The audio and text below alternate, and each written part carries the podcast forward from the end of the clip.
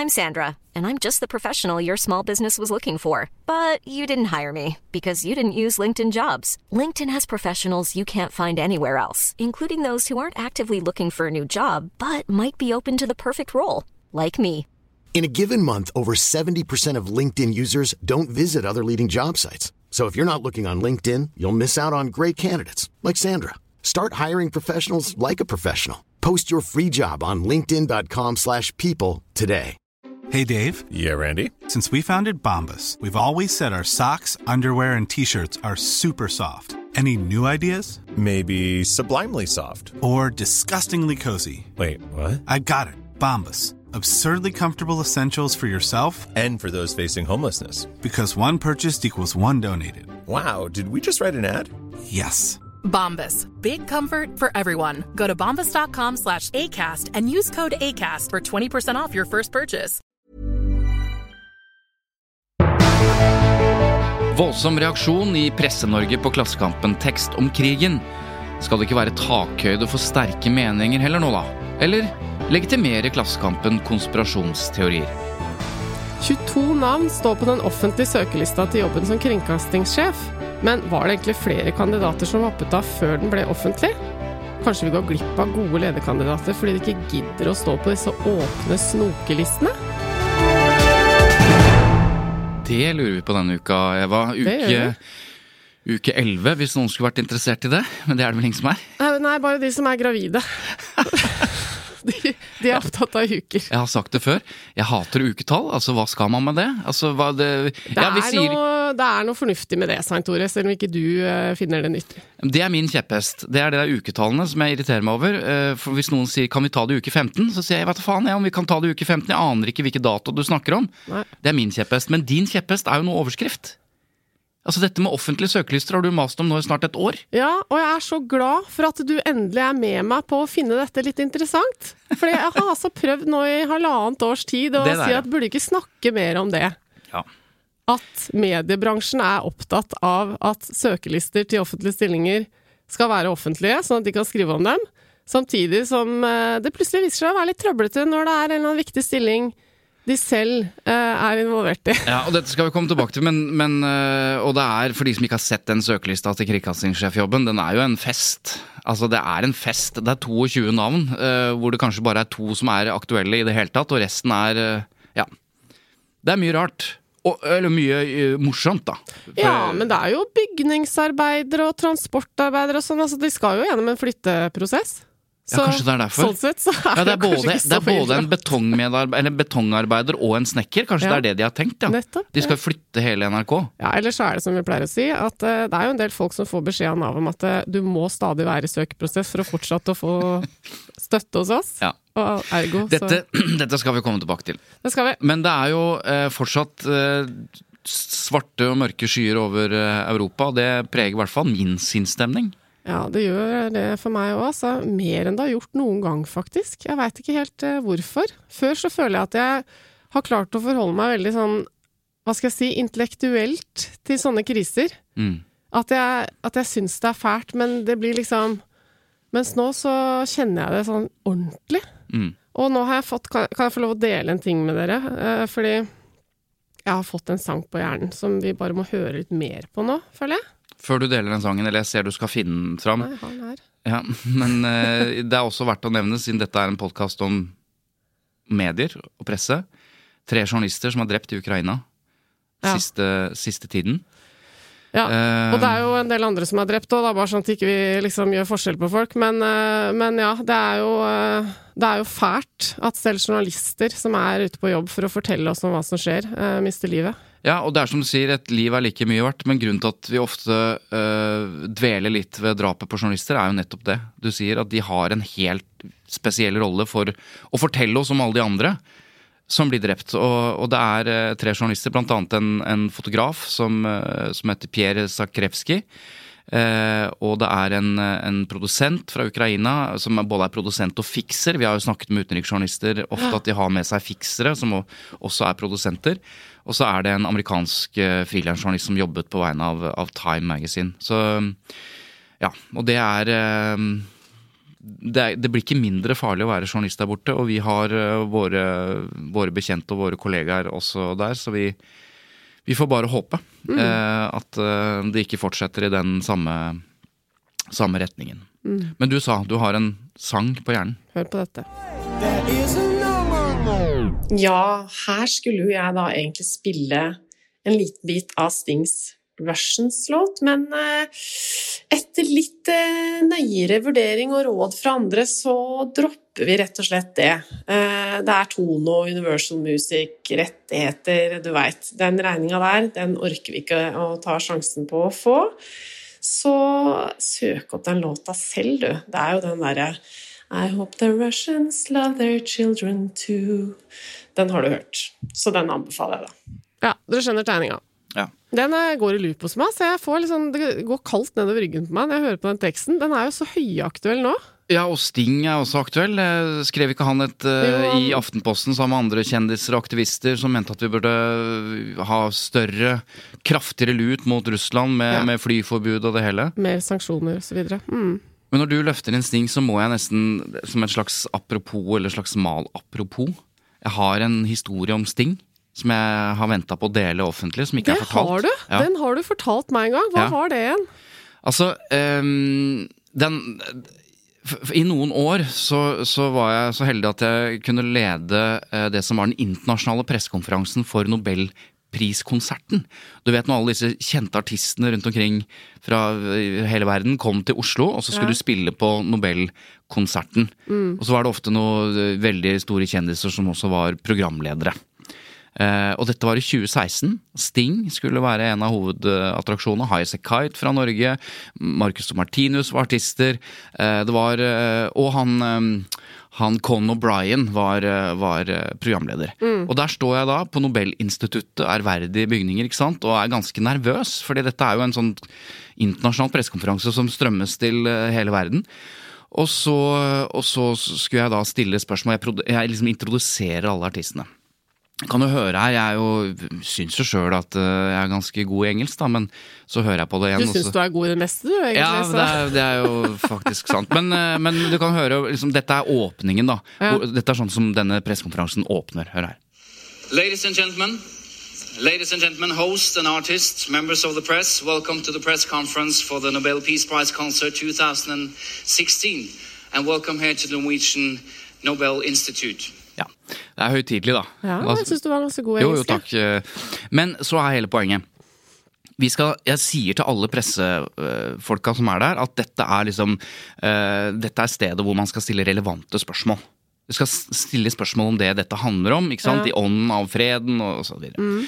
Og dette er min liksom, oppfordring til pressen.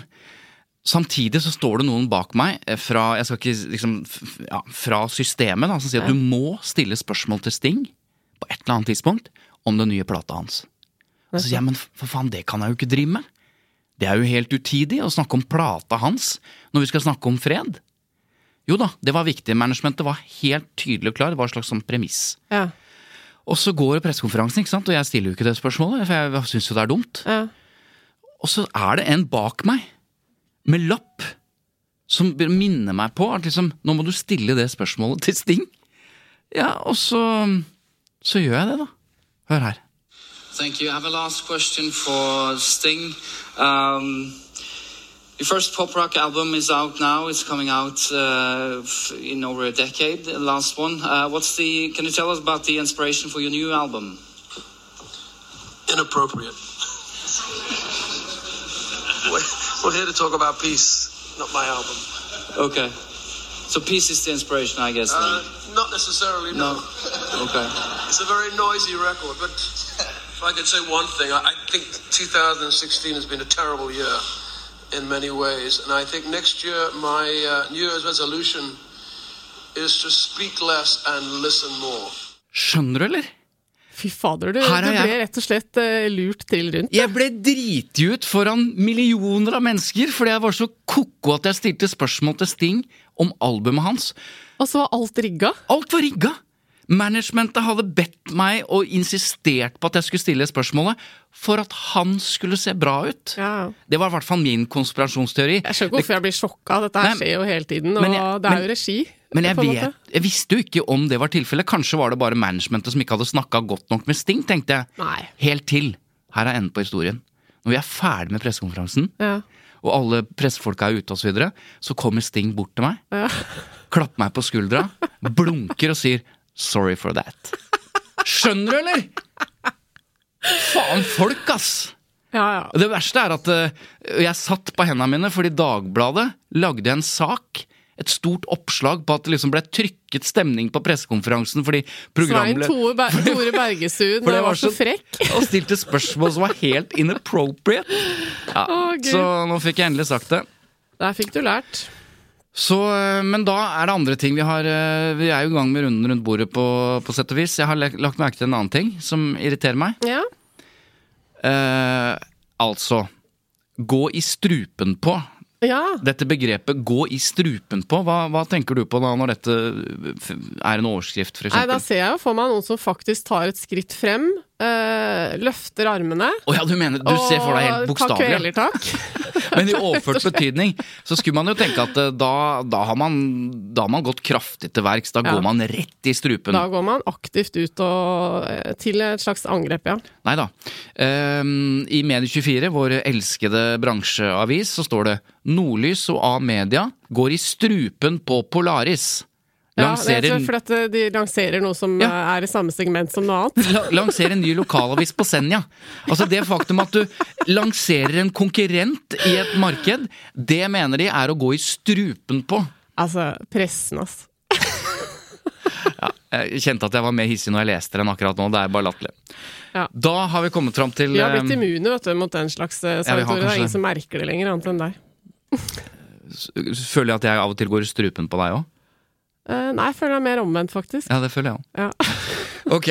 Eh, Første sak eh, i dag, det er altså avisa Klassekampen, som har fått kjeft i det siste. Men, men ikke bare det, veldig mye ros. Altså Klassekampens ansvarlige redaktør, Mari Skurdal, ble jo kåret til Årets redaktør, som vi nevnte i forrige episode. Ja, fantastisk. For et eventyr det har vært Klassekampen har vært gjennom det de siste året. Ja, jeg vil Ja. si det. Ja. Og, og de får skryt også fra liksom høyre og venstre. Altså dette er jo, Klassekampen er jo venstresidas avis. Eh, har jo tradisjonelt vært eh, noe revolusjonær for min smak, må jeg innrømme. Ja. Eh, og de, men de har jo utviklet seg, og er jo, en veldig, er jo primært en veldig veldig god Ja, det eh, er veldig mange som eh, nyhetsavis. liker å lese Klassekampen eh, til tross for at de er eh, dundrende uenig i veldig mye av det som står der. Jeg tror Anders Giæver eh, skrev det ganske bra her om dagen, at jeg liker Klassekampen aller best når jeg er dundrende uenig. Ja, ikke sant? Og det er jo jeg vet, Torbjørn Røe Isaksen har jo tror jeg til og med reklamert for Klassekampen. Ja, han gjorde gjorde det her hos meg, Ja, han gjorde det, ja. Var det jeg hørte? faktisk. Jo, men ikke sant, uavhengig av politisk stolthet, så, så ja. Men, ja. men, men altså. Um, denne uka har det vært også mye kjeft. Altså Grunnen er at jeg har publisert en tekst fra en italiensk skribent som skriver fast i Klassekampen, og det handler om krigen. Og tittelen er 'Krigen Vesten drømte om'. Og det er akkurat så ille som overskriften uh, sier, ikke sant? Uh, at dette var en slags eh, krig som USA og Vesten bare ventet på, så de kunne ruste opp. Altså vi må jo si at denne skribenten befinner seg greit til venstre i det politiske verdenslandskapet, og er ikke spesielt glad i USA. Men denne teksten fikk altså veldig mange til å sette eh, urteteen i halsen. Blant, Blant, annet, eh, blant andre Dagbladets politiske redaktør Geir Rannefjell. Mm. Altså som skrev en rant på Facebook som Ja. var, eh, jeg vil si, underholdende. Skal vi si at det er forfatteren sjøl som leser? Ja, det er morsomt. Hør her. Det er ikke ofte jeg blir så opprørt av å lese en artikkel i en fillete papiravis, så her kommer dessverre en lang rant. Det har gått knappe tre uker siden Russland startet sin angrepskrig mot Ukraina. Allerede er Klassekampen i gang med å publisere sinnssvake analyser fra Koko-Venstre som dagens 'Krigen Vesten drømte om'. Under vignetten 'Horisont', der italienske Thomas Fasi er fast bidragsyter som en av sju i Klassekampens internasjonale skribentpanel, som gir et analytisk blikk på verden, får vi servert følgende klarsyn. Sitat. De vestlige elitene kunne knapt skjule hvor opprømte de ble da det dukket opp en ny fiende som kunne berettige remilitariseringen av utenrikspolitikken deres internasjonalt. Sitat slutt. Opp er ned, og ned er opp. Mens vi andre ser et Europa som forsøker å områ seg på rekordtid for å tilpasse seg en ny virkelighet med en livsfarlig og uberegnelig diktator som lar bombene regne over boligstrøk og sykehus i Ukraina, som lurer på hvor mye man kan bekjempe overfallet på et fredelig naboland midt i Europa uten å utløse tredje verdenskrig, ser Klassekampens skribent noe annet, nemlig det forklarer hvorfor vestlige ledere ser ut til å gjøre alt som står i deres makt for å helle bensin på bålet, heller enn å søke en fredelig løsning på konflikten. USA er jo det virkelige problemet her. Klassekampen må selvsagt få publisere akkurat hva faen de vil, men dette kommer altså fra avisa som aller mest konsekvent misforsto opptakten til denne krigen. Det har de innrømmet, de var ikke aleine om det, og gjort er gjort, osv. En skulle likevel tro det vaksinerte avisa mot å bli et organ for tredjerangs konspirasjonsteorier som fortsetter i sporet de selv påstår de har forlatt. Men det var kanskje for mye å håpe på. Altså For den som trodde alle redaktører og aviser i dette landet stort sett si, holdt sammen i en eh, symfoni av lojalitet og, og mainstream-holdninger, det, dette var klar tale fra politisk redaktør i Dagbladet. Mm. Og Altså, det kommentarfeltet under eh, den ranten hans, det var jo som å sitte og følge, på, følge med på sånn live eh, akademisk Big Brother-show. Eh, totalt usofistikert samtale. Ja, og tidvis og, veldig morsom. Altså, det var utrolig underholdende, og litt sånn pute-TV-følelse. Altså. Og det som jeg syns var mest interessant, var at eh, med, gjennom sosiale medier så får man plutselig et annet bilde av avisenes kommentatorer. For de er jo mer løsslupne eh, i, i, mm. i liksom, språkbruken sin og sånn, og selv de lar seg jo liksom eh, provosere såpass mye at du sitter og føler sånn Ok, er det her innafor, liksom? At du skal holde på sånn her? Nei, det var uh, ja. de, de, som eh, vil, kan jo se det, men, men det som uh, vi vil nevne, da, at det er mange støtteerklæringer unnskyld, støtteerklæringer til dette innlegget. Ja. Fra uh, ulike, altså avtreppende NTB-redaktør Sara Sørheim, jurist og forfatter Anne Holt, VGs Anders Giæver, som vi har nevnt, uh, Hilde Alle Sandvik rett og slett. Ja. Uh, VGs debattansvarlig Hans Petter Sjøli skriver ikke engang Putins hensynsløse overfall på nabolandet får altså disse gamle sliterne ytterst på venstresiden til å justere sitt skrudde verdensbilde. Overraskende er det nok ikke. Og, så, og sånn fortsetter det. Og så er det noen som forsvarer, ja. det skal sies da, at Klassekampen publiserer dette her. Men eh, er det egentlig nå vi burde ha samtidig imøtegåelse, eller, eh, av dette her?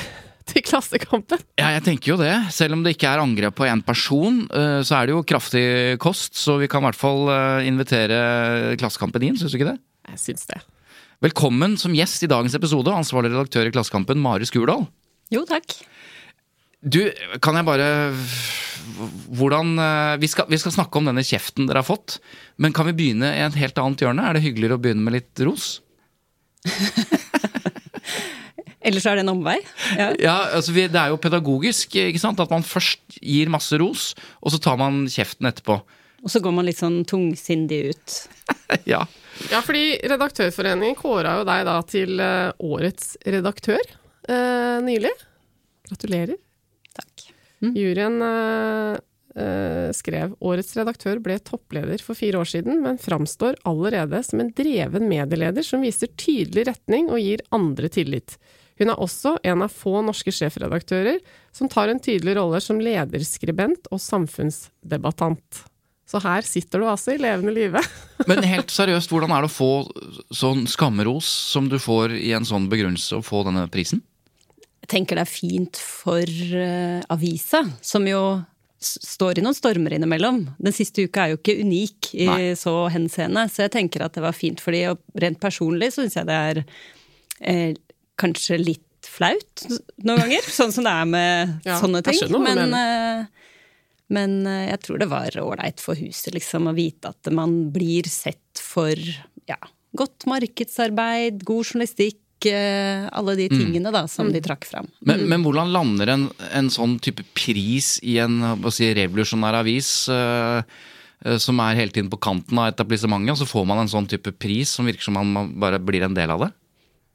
Eh, nei, det tror jeg ikke vi tenker så mye på på den måten. Eh, det ligger jo en sånn forestilling der ute om at vi sitter hele tiden og ser inn mot midten og prøver å liksom danne en sånn der egen vei på sida, liksom, bare ut fra hva, Ja. hva noe sånn Ja. mainstream holder på med, eller noe sånt, ikke sant?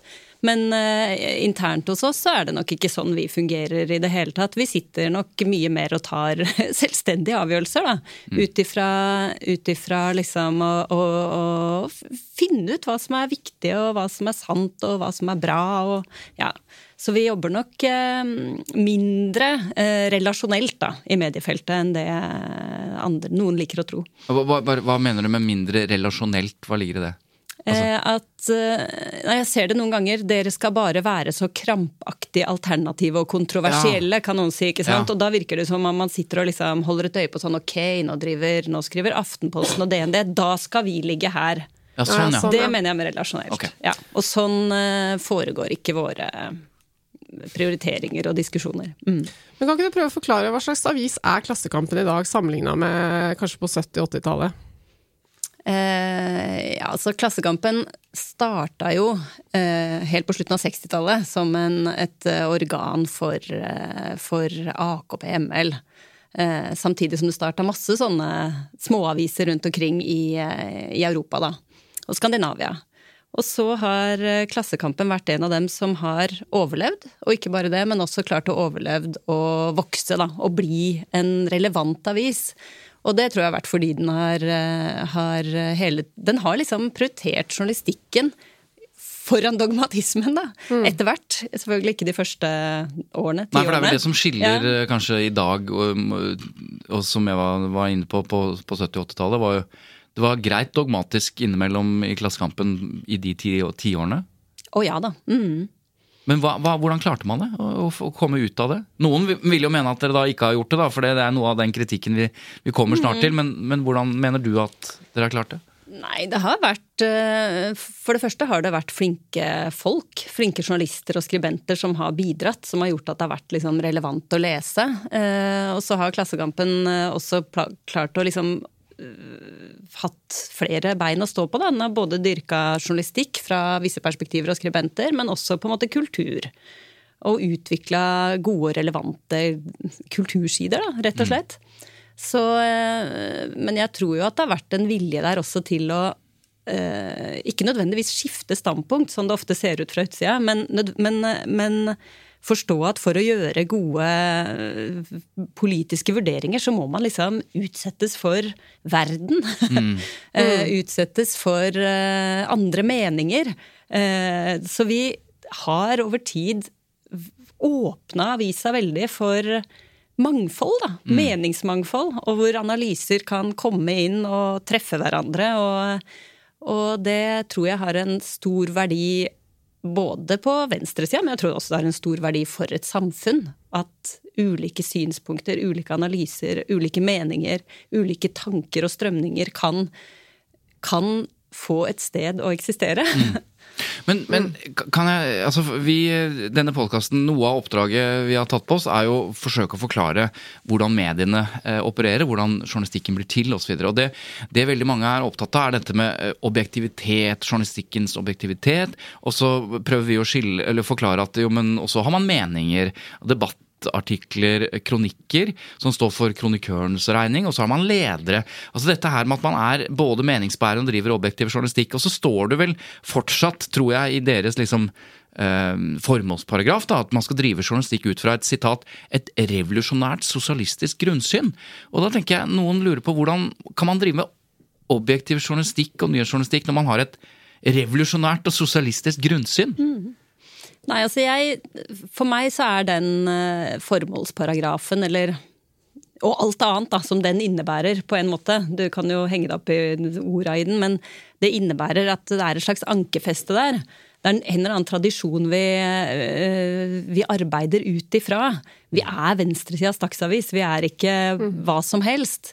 Og det gjør at du har et ankerfeste, og så må man jo da velge hvor langt kjetting skal være. at den kan eh, Jeg syns det er liksom viktig at man kan flyte liksom fritt rundt og finne ut av det, men det er liksom noe som holder fokus og perspektivene der. Det er noen forpliktelser som ligger i det, og det, det er sånn jeg tolker den. Og det syns jeg gir et greit utgangspunkt. For, For Tore. Mm. det du spør om er jo altså, Det er jo veldig mange aviser vi kjenner som har et uh, tydelig grunnsyn et eller annet sted. Så det er jo egentlig ikke noe Nei, men vi får av og til spørsmål om det. ikke sant? At, ja. Og noen mener jo på et vis ikke sant? At, eh, at det er bra at avisa har et tydelig grunnsyn, for da, da kan man vurdere journalistikken nærmest, i hvert fall det, de sakene man er opptatt av, da. Ut fra at ja, men det forklarer jo saken, de er jo venstresidas dagsavis. dagsavis. Mens Aftenpostens eh, tidligere, eller høyre eller borgerlighet, da, De får jo fortsatt ikke kritikk for at den Ja. eh, er for tydelig, de også. Absolutt. Eh, og Dagsavisen, selv om det ble Dagsavisen og før het Arbeiderbladet, så er jo de Men vi har jo gått vekk fra partipressa, så Klassekampen er jo allikevel, sånn som jeg oppfatter det, Skurdal, fortsatt eh, stolt av sin, sitt ankerfeste sin tradisjon. Det er ikke så veldig mange som har et så tydelig eh, liksom politisk eh, grunnsyn. da. Og Det er derfor jeg lurer på, og det er derfor jeg tenker at uh, hvordan journalistikken blir påvirket av det, vil jo leserne også være opptatt av. Ja, og vi har jo Altså, journalistikken vil jo eh, først og fremst bli påvirka av eh, verden sånn den er, som vi må håndtere. Og, eh, og jeg eh, er jo enig med dere at det er jo ikke noe som heter liksom rent objektiv journalistikk på den måten, for vi er jo ikke objektive, hvert enkelt menneske har sine forutsetninger og sånt. Men det vi kan gjøre, er jo å være nøkterne i møte med verden. Og forsøke å eh, vi, må, vi kan på en måte ikke komme med grunnsynet vårt og presse det nedover. Da blir det dårlig journalistikk. Mm. så Så, vi må komme inn med Nettopp. våre liksom, og ta inn det som kommer utenfra. Og for å si det sånn, da, det er jo mange venstresidebevegelser her i, i verden i løpet av de siste par hundre årene som har eh, kanskje syns det har vært viktigere at analysen skal stemme. eh, og vil tilpasse verden i forhold til det. Og da, blir det, da går det gærent. Her, det, var en veldig fin opptakt, eh, Eva, til, eh, til hvordan Klassekampen faktisk tilpasser seg verden. Fordi eh, før vi kommer på den teksten som vi nå introduserte med, så, så er det jo sånn at dere også har fått ganske mye eh, kritikk for hvordan dere eh, har drevet journalistikk og skrevet kommentarer og ledere i forkant av krigen. Altså, eh, mangeårig redaktør, nå din politiske redaktør, Bjørgulf Brånen, han skrev en leder før krigen som han allerede har beklaget.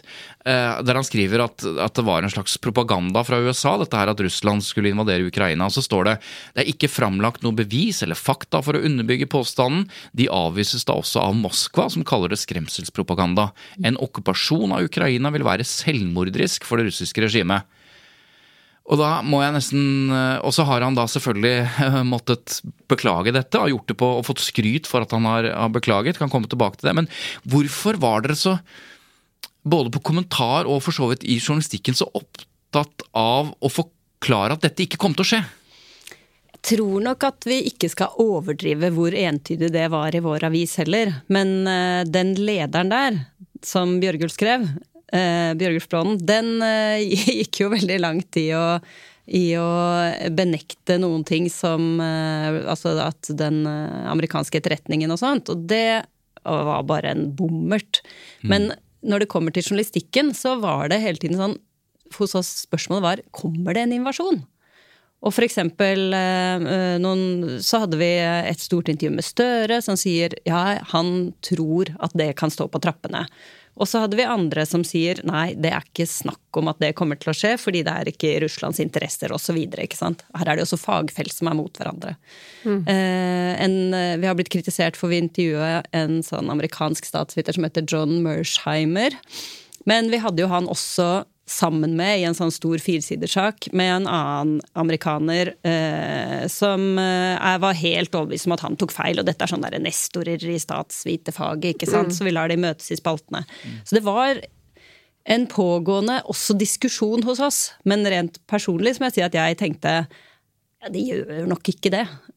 Men det er jo ikke så viktig i det lange løpet løp. Men, og det er mange som har tatt feil. Det skal jeg være ærlig på at jeg tenkte òg, så det er vel ikke så Men- men- Jeg trodde ikke det var mulig. Jeg tenker Summen av Ja, denne lederen var jo veldig tydelig på at det var ikke etterretning pålitelig, det var uh, propaganda. Uh, og Bjørgulf skriver jo det i sin liksom, erkjennelse og sin beklagelse, at, at han så mer hen til hvordan han hadde oppfattet dette før, og trekker inn Libya-krigen og, og Irak-krigen osv. Uh, men vi må se på verden uten den bagasjen. og det eh, men allikevel, kritikken mot Klassekampen, den, den selv om dere har hatt begge deler i spaltene, så oppfatter også jeg at det har vært et, en ganske tydelig eh, Hva skal jeg si eh, Ja, den har vært veldig tydelig på den siden at dette kommer ikke Russland til å gjøre. Så spørsmålet litt er hvordan havnet dere der? Nei, vi havna jo der fordi vi intervjua kilder som sa det. Vi analyserte så godt vi kunne og trodde det. Men, Og da er spørsmålet men vi hvorfor intervjuet dere kilder som Det er jo det som er noe av kritikken, Ja, ja. at dette kildeutvalget er jo deres. Det er jo dere som Ja, ja, vi har kildeutvalget. Men jeg mener jo også det at vi intervjua andre og hadde andre synspunkter inne. Og, eh, og vi var hele tiden usikre. Er- Kommer det? Og hadde det f.eks. For en forsidesak som var sånn hvor vi hadde flere intervjuer av og spurte kommer invasjonen spørsmålstegn. Ikke sant? Sånn at det er en eh, eh, I en sånn eh, krigsopptrappingssituasjon så er det jo ekstremt mye motstridende informasjon og motstridende interesser. Og man må liksom forsøke å forholde seg in real time da, til, eh, til det som skjer. Og det, da får man jo også tidsnok korrigert oppfatninger. Sånn at når virkeligheten har liksom forløpt som den har gjort, eh, invasjonen kom, så er det jo ikke så mye annet å gjøre enn å bare justere eh, analysene og oppfatningene og gå videre. Fordi eh, vi må bare erkjenne at det lå i kortene. Han invaderte det landet og, og bomber byer, og det er det som vi må forholde oss til å skrive om nå. Ja, vi tok feil uh, i våre antakelser. Det, dette er jo si, ganske alvorlig feil antakelse, da, men det driver jo aviser med hele tiden. I hvert fall for meg som hører veldig mye på podkaster. Så tenker jeg at uh, jeg kan irritere meg faktisk ganske mye over hvor opptatt de er av å gjette og prøve å ha rett Mm. i sine gjetninger om alt mulig rart i pressen. Så jeg observerer dette her på et overordna nivå utenfra, litt sånn med undring. Hele den diskusjonen som dere er inne på nå, at liksom Ja, men dere sa feil, eh, dere burde beklage, hva, hva syns dere? Dere har liksom gjort Altså, jeg tenker sånn Ja, Så tar man feil. så tok de feil, da, liksom. De lagde journalistikk på det. de- Jeg klarer ikke å hisse meg så opp over akkurat det, faktisk. Men det er mulig at jeg ikke var så dypt ned i liksom, den journalistikken som dere hadde da. Ja, nei, jeg syns jo kanskje også at det er jo øh, det er jo ikke alltid at liksom akkurat konklusjonen er det viktigste. Noen ganger er jo i en, i en analyse, da, noen ganger er det kanskje liksom tegne opp landskapet, kanskje, og så ble konklusjonen feil. Men altså, mm. man kan jo ikke bare ha en diskusjon om konklusjonen var feil. Vi, vår dekning må jo på en måte ja, prøve hva innholdt. Mm. Men Man må se på hva innholdet i den var, da. Ja. Den teksten som vi nå skal komme inn på, det er altså en tekst uh, av en italiensk uh, skribent som er en, går en sånn slags turnus. Alle aviser har jo, eller de fleste aviser har en slags sånn ja, eksterne skribenter som, som under en sånn fast vignett, ikke sant, uh, som det heter.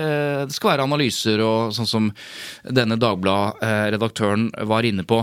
Kanskje, jeg tenker kanskje er den kritikken som kommer på denne teksten forsterket av at dere at dere tok feil om invasjonen, og så tenker man at så burde man ha lært. Men nei da, noen uker etterpå så setter man altså på en, en, en tekst som er så konspiratorisk, og mange mener så faglig svak og analytisk helt på trynet, som skriver sitat det forklarer hvorfor vestlige ledere ser ut til å gjøre alt som står i deres makt for å helle bensin på bålet, heller enn å søke en fredelig løsning på konflikten. Altså, aller først hvem er denne Thomas Fasi som er fast skribent i Aftenposten? Klassekampen. Klassekampen. Jeg vet ikke hvorfor jeg driver med dette her, men eh, vi prøver igjen. Klassekampen. Eh, nei, altså eh, Vi har jo forsøkt Fra nyttår så eh, lagde vi en litt sånn utvida utenriksspalte i eh, avisa, hvor vi prøvde å få inn eh, venstresidestemmer fra forskjellige land rundt om i verden for å dekke, dekke litt sånn blinde flekker for oss. da. Og da har vi henta inn noen vi kjente litt til fra før, og noen som på en måte eh, ja, plukker opp fra at de skriver litt i tidsskrifter eller aviser eller sånt. Og han er en eh, filmskaper og skribent, og utover det så kjenner ikke jeg sånn voldsomt godt til han, egentlig. Men burde du ikke det når du setter han som fast skribent i avisen din? Jo, men jeg tror nok at dette er mer eh, vanlig. Altså, vi har jo ikke møter med skribenter for å undersøke hele politiske grunnlag og, og, og skrine Nei. dem sånn sett. Så- Vi tenkte liksom, her har vi eh, en som skriver fra en, sånn, ja, en eller annen venstretradisjon i, eh, i Italia, da. Mm. Men så kommer denne teksten fra han, som er ko-ko. Mange mener han er helt ko-ko. Men kan jeg bare spørre hvordan det skjer rent praktisk? Altså Blir den sendt inn av forfatteren til dere, eller er det et Mm. samarbeid hvor dere oppsøker eh, Eller altså ber om å få en ytring fra ham? Vi har eh, satt de opp i en slags sånn turnus, og så, eh, Mm. Ja, er og så leverer mm. de til oversetter, og så kommer det inn og kommer til oss, da. Mm. Så det, han er fast. Jeg tror det på hans andre tekst hos oss. Ja. Ok, men, men Skurdal, når du sier at vi kan ikke liksom sjekke hele katalogen og grunnsyn og alt mulig, men dere kan jo sjekke teksten. Så kommer det en tekst som for veldig mange virker helt eh, ko-ko. Altså det er, det er påstander også som åpenbart ikke er faktasjekket, verken i selve teksten eller kildebelagt, eller Dere har ikke gjort noe journalistikk rundt dette her, men det er, det er en ganske drøy tekst. Hvor, Har du hvorfor- flere ting du kan lire av deg som gir lytterne eksempler på hva som er drøyt, eller sånn på stående fot? Ja, Han skriver jo at de vestlige elitene kunne knapt skjule hvor opprømte de var da det dukket opp en ny fiende som kunne berettige remilitariseringen. Ja, Hvilken slags opprømthet snakker han om? Det er jo et, et subjektivt syn, da, men allikevel. Det er mye i den teksten her som, uh, som ligger fryktelig langt til venstre. Og Bjørgulf Brånen, den nevnte redaktøren din, uh, har jo også sagt at dette er, dette er virkelig ikke noe han mener er, er riktig. Deler ikke dette synet. Hvorf, hvordan og hvorfor kommer denne teksten på trykk? Nei, altså til sjuende og sist, når du får meningsytringer og har folk så, som, som skriver, da, så, så må du si kan denne teksten stå på trykk i en avis? Og, eh, og det mener jeg jo at den kan. Men det betyr Fortsatt. jo ikke Ja, altså selv om halve Medie-Norge er opprømt på Facebook, så går det an å stå for at ting skal komme på Ja, trykk i jeg, vil en bare, avis. jeg vil bare få det bekreftet at det ikke har skjedd noe siden den gang. Så, Det er jo en andedamsdiskusjon, dette her. Bare Jo, jo. at du er eh, Men bare fullfør. Hvorfor kom den på trykk? Nei, den, som sagt, den kom jo på trykk. For, ikke fordi dette var et syn vi måtte hente inn, men fordi vi hadde eh, tatt inn denne Fasi i, en, i vår turnus, da. Ja. Som stemmer, eh, stemmer derfra. Og han, eh, han leverte denne teksten. Og når du da sitter med en sånn tekst, så må du tenke kan den stå på trykk i en norsk avis? Og det mener jeg den kan. Den er ikke det som jeg mener. Og den eh, er ikke identisk med avisas meninger på noe som helst vis. Men det er jo ikke meningsytringene vi setter på trykk. Og jeg mener at eh, det er helt greit og forståelig å ta tak i de svakhetene i den teksten. Fordi de er der. Og, eh, og selv om det skal finnes en våpenindustri som kan tjene på dette, så syns jeg også at det er i overkant drøyt å drive og snakke om at Vesten liksom ønsker seg en sånn krig. Men å trekke Altså det som Ravnefjell gjør, ikke sant, det er jo at han trekker jo eh, linja direkte fra denne teksten til avisas linje. Eh, men han velger jo f.eks. ikke å trekke, eh, trekke linjer fra motstridende synspunkter, som vi også trykker, til avisas linje. Sånn at det blir en sånn selektiv eh, utvelgelse, da, hvor visse synspunkter eller visse meningsytringer som har kommet, eh, kommet på trykk, skal da peke tilbake på en sånn større, lengre fortelling da, som han vil, eh, vil bygge rundt avisa, ikke sant? Men, men det går jo en grense også. Fordi at øh, Man kan jo ikke snakke om at det er sensur, f.eks. Altså, Bjørgulf Brånen brukte det ordet. øh, Skal vi drive sensur av tekst? Det er ikke det det er snakk om. Det er snakk om en ytringsrom. Hvor stort skal det være? Det er jo alltid redaktøren eller avisas eh, Ja. privilegium å takke nei til noe. Men- men det må jo gå en Man kan ikke bruke ordet sensur om Nei. å takke nei til et innlegg, bare sånn at det er rydda unna. Riktig, Mm. men det går en grense også for Klassekampen. Altså, øh, Hvor mye skal til? Denne teksten mener mange var helt ko-ko konspiratorisk.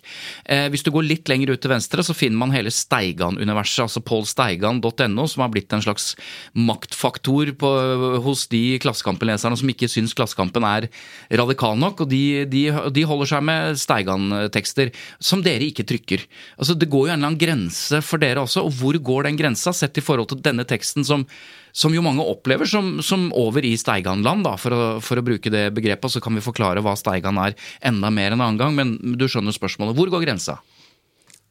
Syns jo at vi Altså, vi har ikke noe sånn derre vi vi må, på en måte bare håndtere det i det daglige som vi gjør, og se hva vi syns er relevant og ikke. Og eh, noen ganger så har vi tatt inn, uh, inn noen folk som vi liksom ja, prøve ut noen skribenter og se hvordan det går, da. Uh, og det syns jeg på en måte at jeg synes det skal være litt rom for det da, i norsk offentlighet.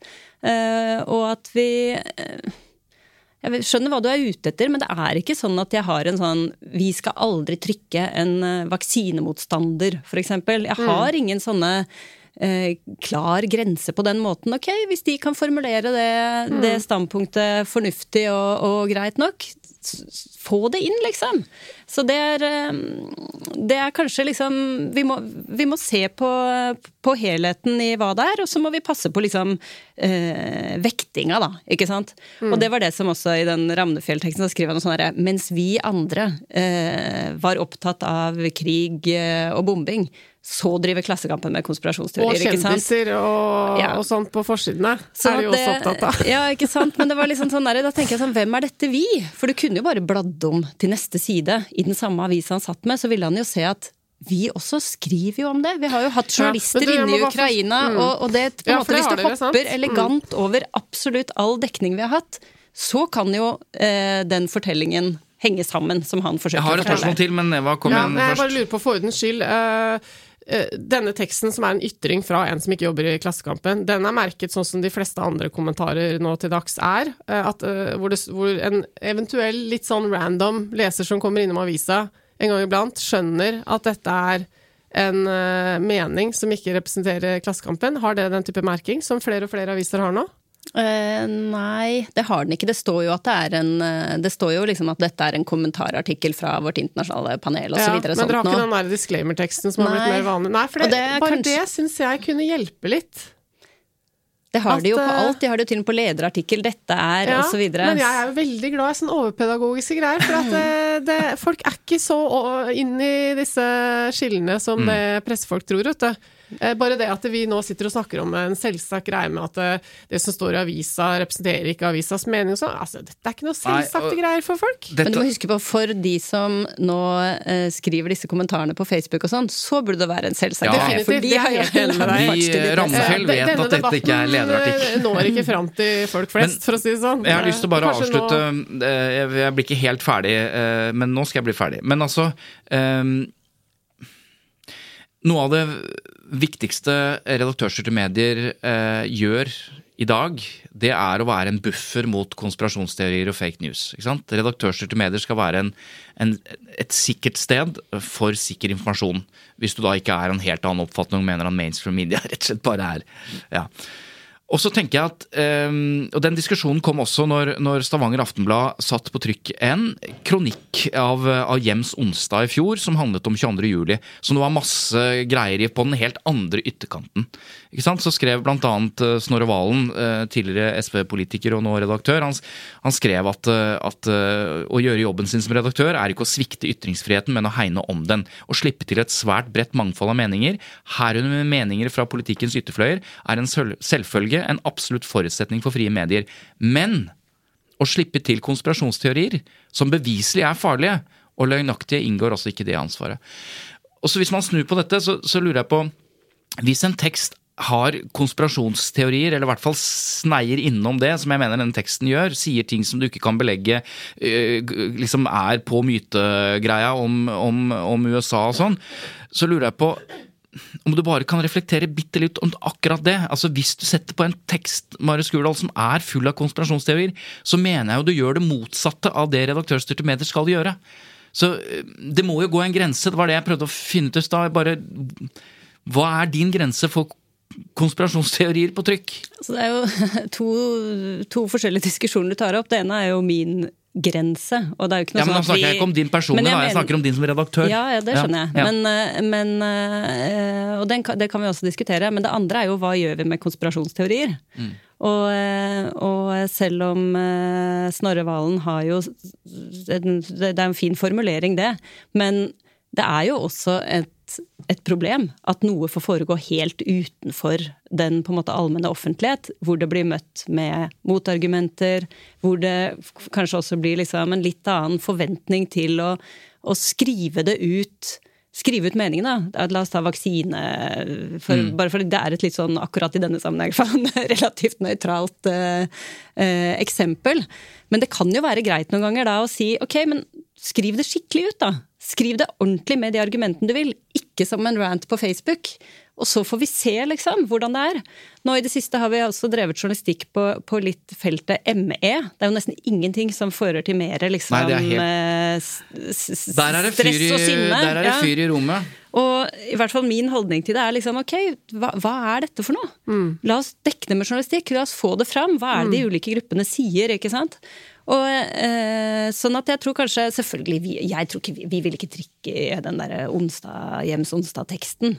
Det, det tror jeg ikke, for det Man kan argumentere er så- for den på samme måte, du da. kan argumentere for den Ja. på samme måte, og jeg mener at det er helt det er greit om aviser har litt forskjellig utgangspunkt og føler seg forplikta til litt ulike landskap. Det er det som er mediemangfold. Eh, og så kan man være uenig i det, men det skjer noe, og da får du litt ulike stemmer inn. Og vi har ansvar for litt ulike grupper her i, i samfunnet, da, de ulike avisene. Sant. Eh, og det er i hvert fall mitt utgangspunkt. Så jeg tenker sånn, jeg syns ikke vi skal være så redde for å liksom lese alt og tenke sånn herre Hvor er det konspiratoriske? Ok, det kan vi godt si, så, så er det svaret, da. Det er jo et godt, godt polemisk poeng for de som svarer, er jo ja, det her det er jo nærmest en konspirasjonsteori. Det undergraver jo hele argumentasjonen i denne teksten. Bra, so be it, liksom. Men at vi skal sitte med en eller annen sånn eh, ja, et eller annet sånn filter hvor, hvor vi må liksom for, forhåndslese på den måten, det ja. Det som, det som jeg synes er vanskelig med dette, her er at jeg grunnleggende sett er helt enig i det du prøver å formidle nå, nemlig alle meninger må frem, og så må vi debattere dem i åpenhet, på en måte. Eh, problemet er jo litt at eh, debattene foregår jo veldig sånn eh, spredt.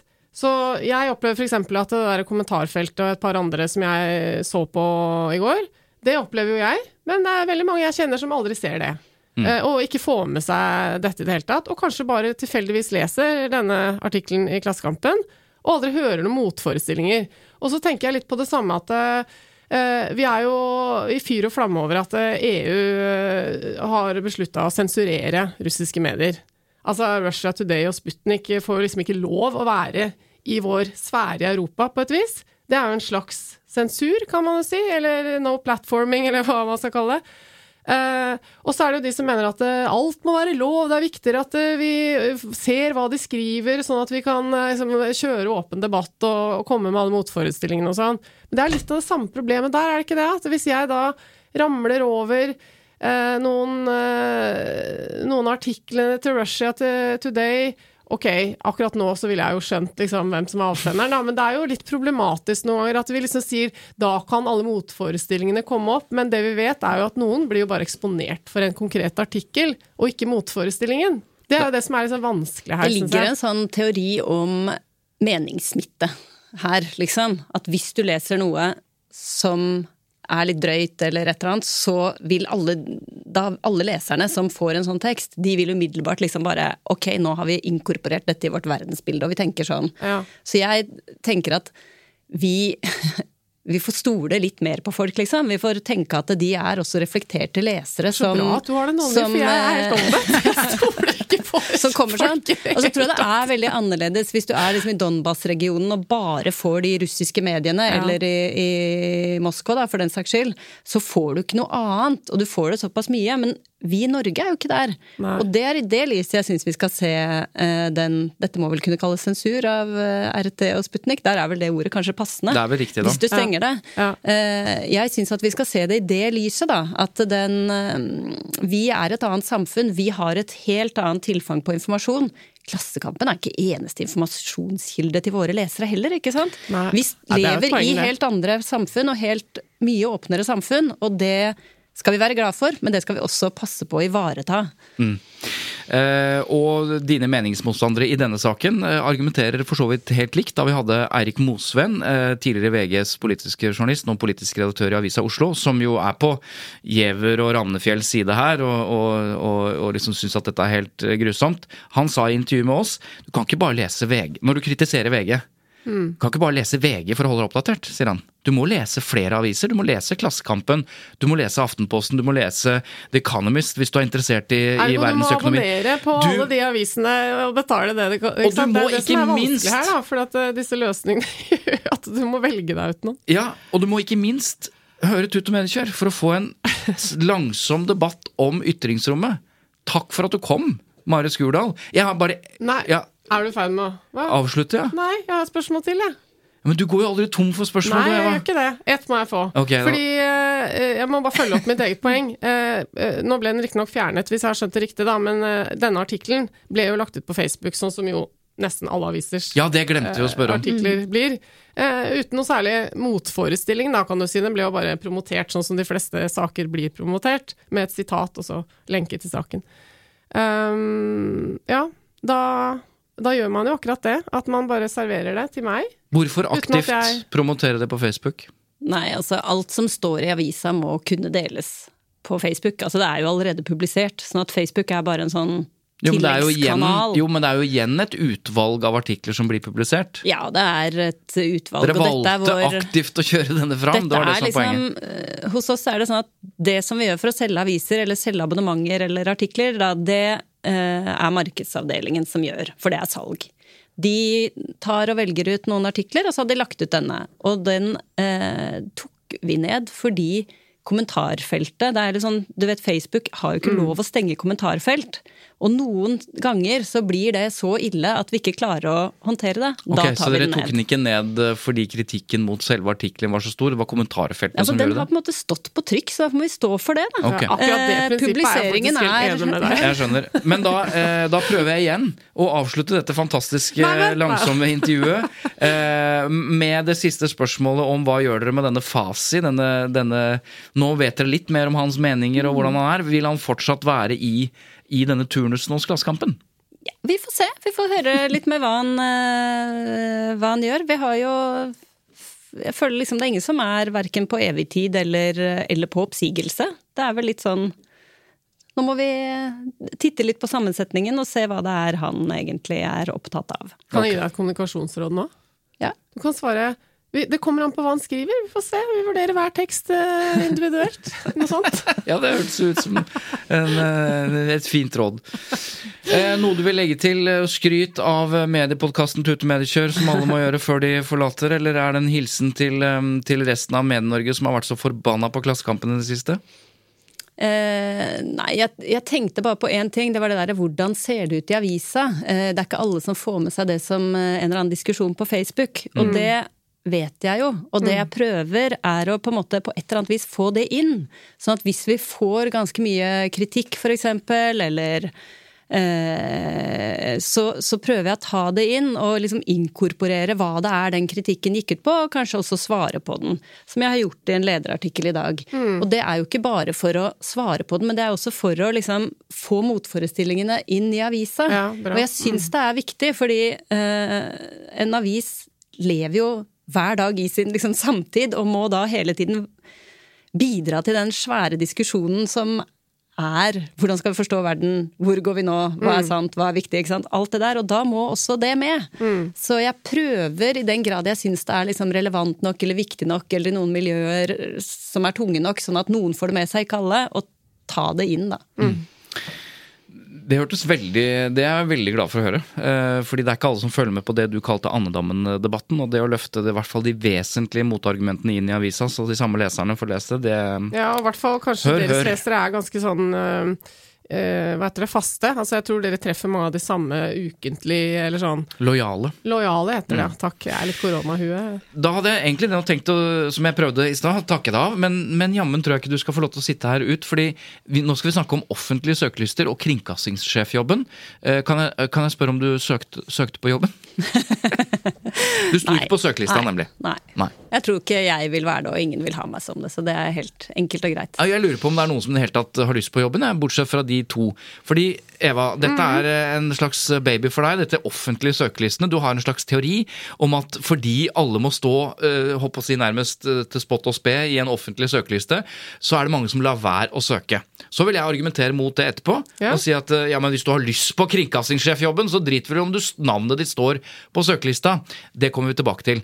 Men den søkelista, kan vi ikke bare ta den Jo, veldig vi gjøre. 22 navn. Um, jeg har eh, forelsket meg i en kandidat, Andreas Fredriksen, 28 år fra Kristiansand. Hans tittel er Game Master. Ja. Jeg vet ikke hva det er, men det høres jo veldig moderne ut. da, NRK skal jo inn i et moderne medielandskap, så, så, så Game Master, kanskje han eh, Jeg tror ikke han blir kalt inn til intervju, men det kunne vært interessant. Helge Lurås eh, søker. Ja. Han er jo redaktør. En av de få som faktisk er redaktør. Sant. Men han er da redaktør for Resett, dette litt alternative, eh, høyreorienterte eh, nettstedet. Ja. Eh, jeg tipper han ikke får jobben heller. Det er en restaurantsjef som står på lista. Det kan jo 26 år gammel. Det er mye Det koker fælt i en restaurant. Kanskje det er noen lederegenskaper der som eh, Vi var inne på det i starten. Eh, Det var noe, det var noe arbeidere her, altså håndverkere, som kanskje eh, søker jobben fordi de har lyst til å være med å flytte NRK fra Marienlyst til hvor i all verden er det de skal igjen? Ja. Hasle. Hasle, ja. Takk, Ja, det- Mari. Eh, Det er altså en betongarbeider eh, fra Moss. eh, Nei, fra Hornes. Og en er snekker fra Moss.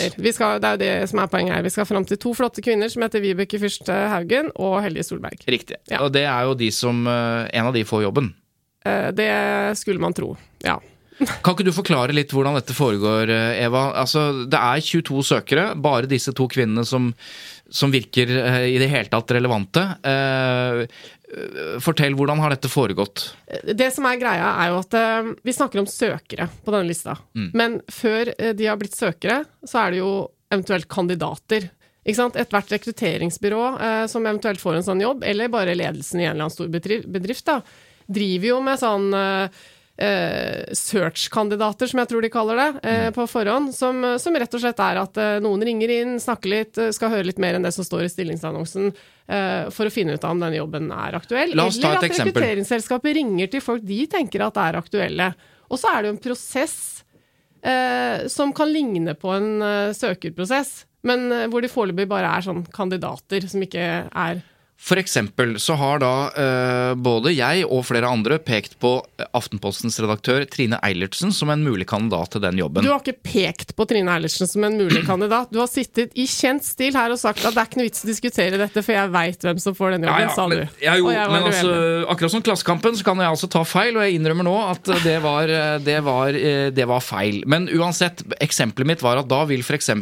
dette rekrutteringsbyrået eller styreleder i NRK, Birger Magnus, som på en måte er ansvarlig i prosessen, Mm. kan jo da ringe Trine Eilertsen og si du, vi syns jo du er en, en god kandidat, Eh, kunne du tenke deg å søke på jobben? Ja, og så kan man jo være i dialog, ikke sant? og så kan man eh, tenke at eh, med mindre jeg føler meg rimelig sikker på at jeg er en høyaktuell kandidat her, så gidder jeg ikke å søke.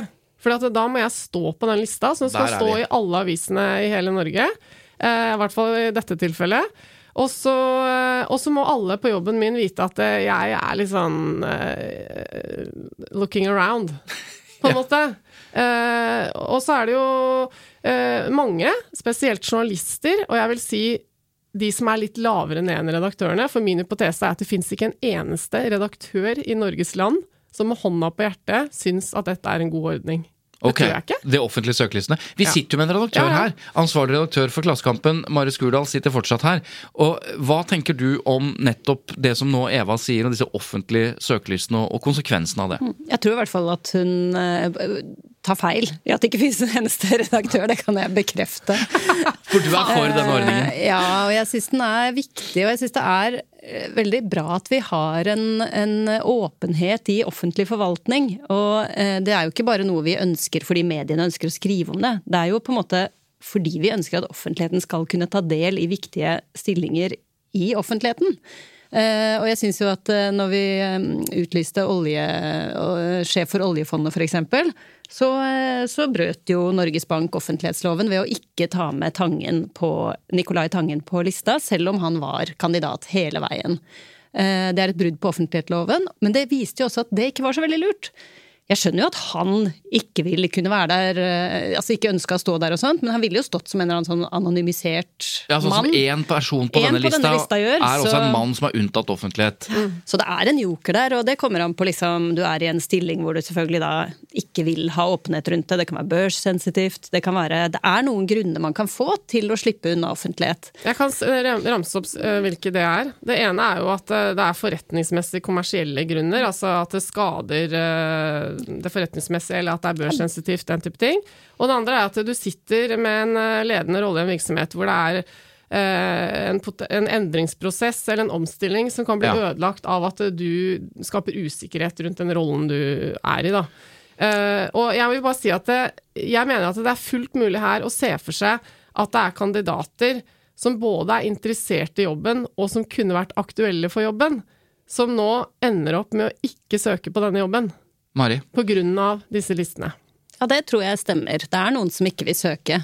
Eh, men det er også sånn at f.eks. i den oljefondsjefjobben, da, så mener jeg at det hadde vært bra om vi hadde hatt mer av den diskusjonen som kom etter at han hadde signert kontrakten, på forhånd.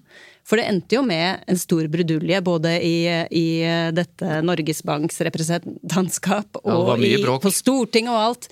Og han måtte jo endre vilkårene for ansettelsen i ettertid. Fordi det var gjort så mange spesialavtaler, ikke Men- sant. men- men det- og dette var ja. Men offentligheten ble jo da på en måte fratatt muligheten fra å være med i å ha innsyn i og vite om og kunne gjøre journalistikk på dette.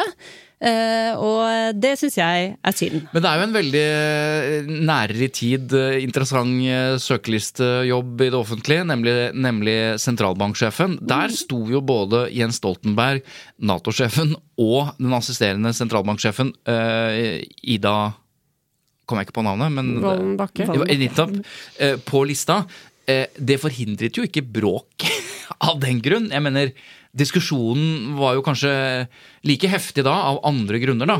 Men, men Er ikke det en god ting, da? jo, det er jo en god ting, men, men la oss si at uh, mitt eh, tips, da, som jeg har tapt en god flaske vin på, Trine Eilertsen i Aftenposten, var egentlig interessert i jobben. Men så, og dette er, nå er det kun spekulasjoner, men så tenker hun at nei, jeg vil ikke signalisere til hele Aftenposten, styre og ansatte og alt mulig, at jeg er keen på en annen jobb etter to år, for hun har sittet to år som redaktør for Hvilket Aftenposten. ville være veldig forståelig, at du ikke ønsker å skape det Ja, signalet og kanskje skulle det, gi- eh, kunne det gitt henne en eller annen grunn til Tre å dager før du skal stå i mandagsmøte og få alle til å Jo, kanskje kunne det vært på samme unntatt offentlighet, men poenget er det kan jo hende at vi går glipp av eh, kanskje det jeg mener er en av de beste kandidatene. Fordi hun vil rett og slett ikke sende det signalet i frykt for at hun ikke får jobben. Så derfor vil hun ikke være søker.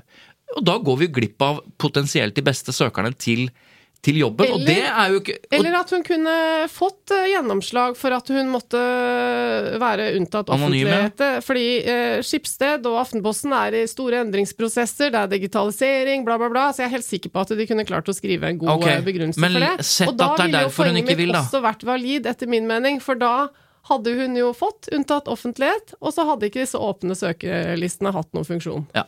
Skurdal, Så det er jo det som er poenget mitt. Pluss at jeg vil bare legge til en ting. Ekona, som er en sånn interesse- og arbeidstakerorganisasjon for økonomer, de har gjort en undersøkelse nå nylig eh, hvor det stilles spørsmål.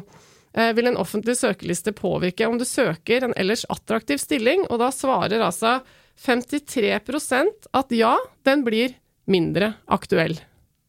For å spisse spørsmålet og gjøre det eh, lukket, sånn som jeg ikke liker, er det ikke bedre Hør nå. Er det ikke bedre at den beste får jobben, enn at de som er villige til å være på den offentlige søkelisten, ender opp med å få jobben?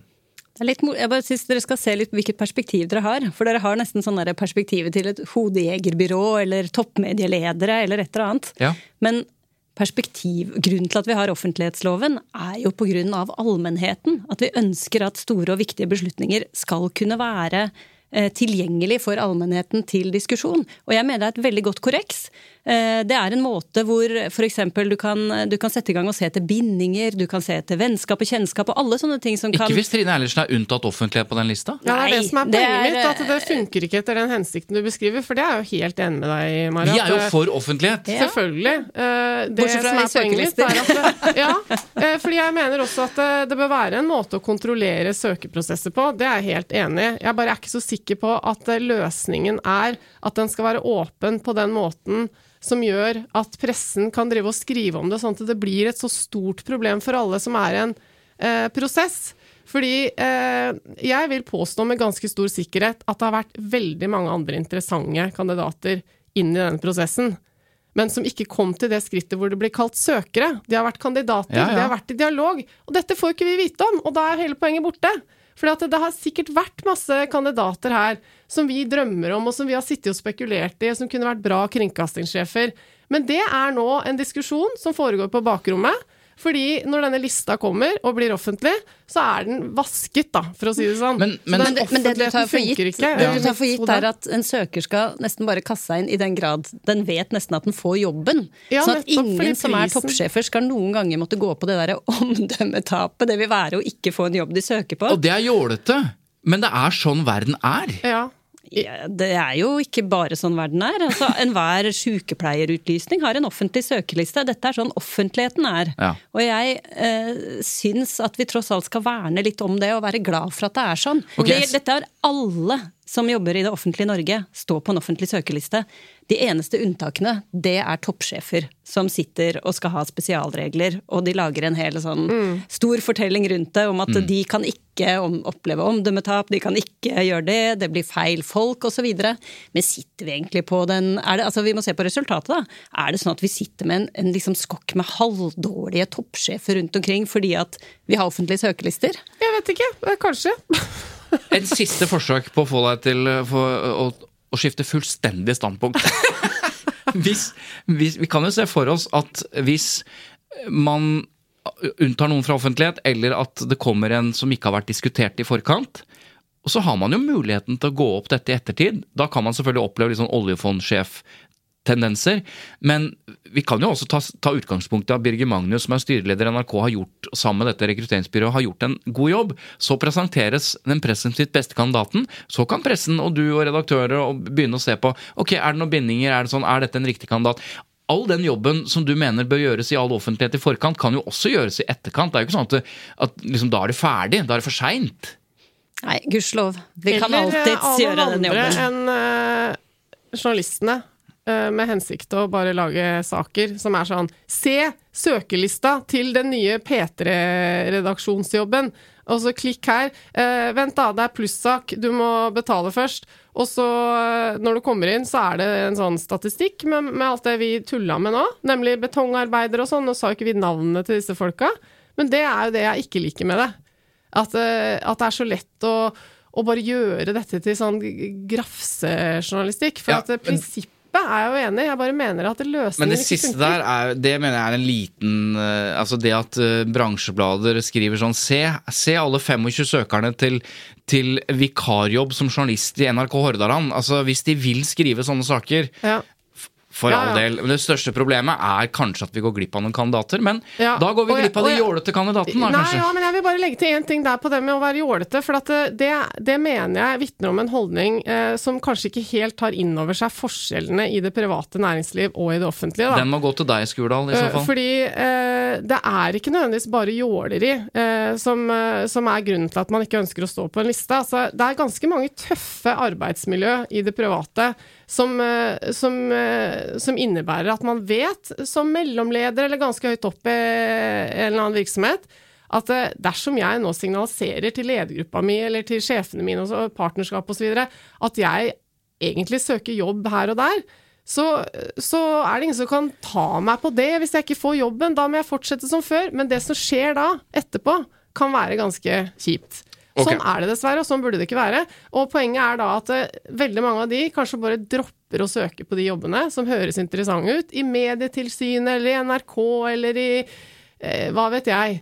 Fordi de bare orker ikke å ta den sjansen. Det er jo synd. For ordens skyld, når vi nå avslutter dette her. Disse to kvinnene vi har nevnt, som begge er da knallgode kandidater. Det hø nå høres det litt sånn Ja, at, vi, ja, ja, at vi går glipp av liksom, den beste kandidaten som ikke vil søke. Det er ikke det jeg Kan hende mener. vi ikke gjør det her. Absolutt. Absolutt. Altså Helje Solberg og Vibeke Fyrst Haugen er jo knallgode kandidater til denne jobben. Men eh, at de har lyst til å stå på søkelista De jobber jo i NRK allerede. At de har lyst på kringkastingssjefjobben, det er jo ikke akkurat noe omdømmetap. Heller ikke om de ikke får den, da. Men dette er gode kandidater, og det blir Mm. spennende å se hvem som For det er vel egentlig bare de det står Er det også din vurdering, forresten? Hvis ikke denne mann Ja, som ikke- står der.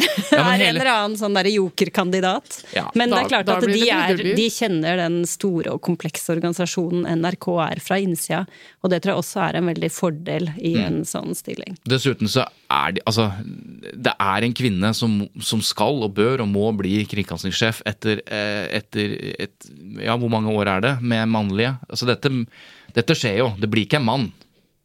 Nå kan jeg vende en ny flaske vin på, forresten. For da kan jeg få tilbake den jeg tapte. Nei, altså Hadde det stått en veldig god mann der på søkelista, eh, som var den beste kandidaten, så måtte vi jo diskutert det. Eh, absolutt, mener jeg. Men eh, nå blir det jo et problem dersom den gode mannlige kandidaten er unntatt offentlighet og til slutt får jobben. Da gleder jeg meg til diskusjonen. Ok. Tusen takk igjen for at du kom, Mari Skurdal, ansvarlig redaktør i Klassekampen. Tusen takk til eh, Eva Sandum.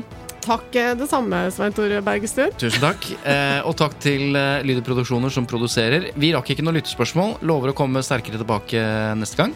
Ja. Og så sier vi takk til Simon som klipper, og takk til dere som hører på. Og send oss gjerne flere spørsmål og kritikk og ros og ris, så lover vi å forandre oss i takt med verden hvis det skulle vise seg at vi, at vi bør det. Takk for at du hører på.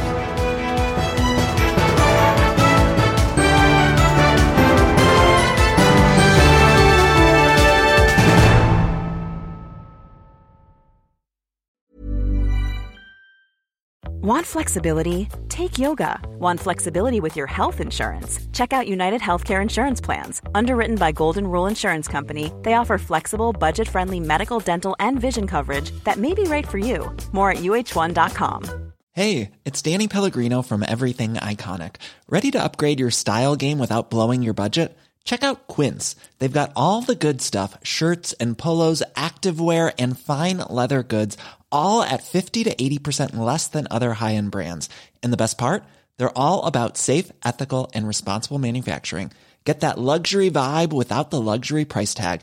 Hit up quince.com slash upgrade for free shipping and 365 day returns on your next order. That's quince.com slash upgrade.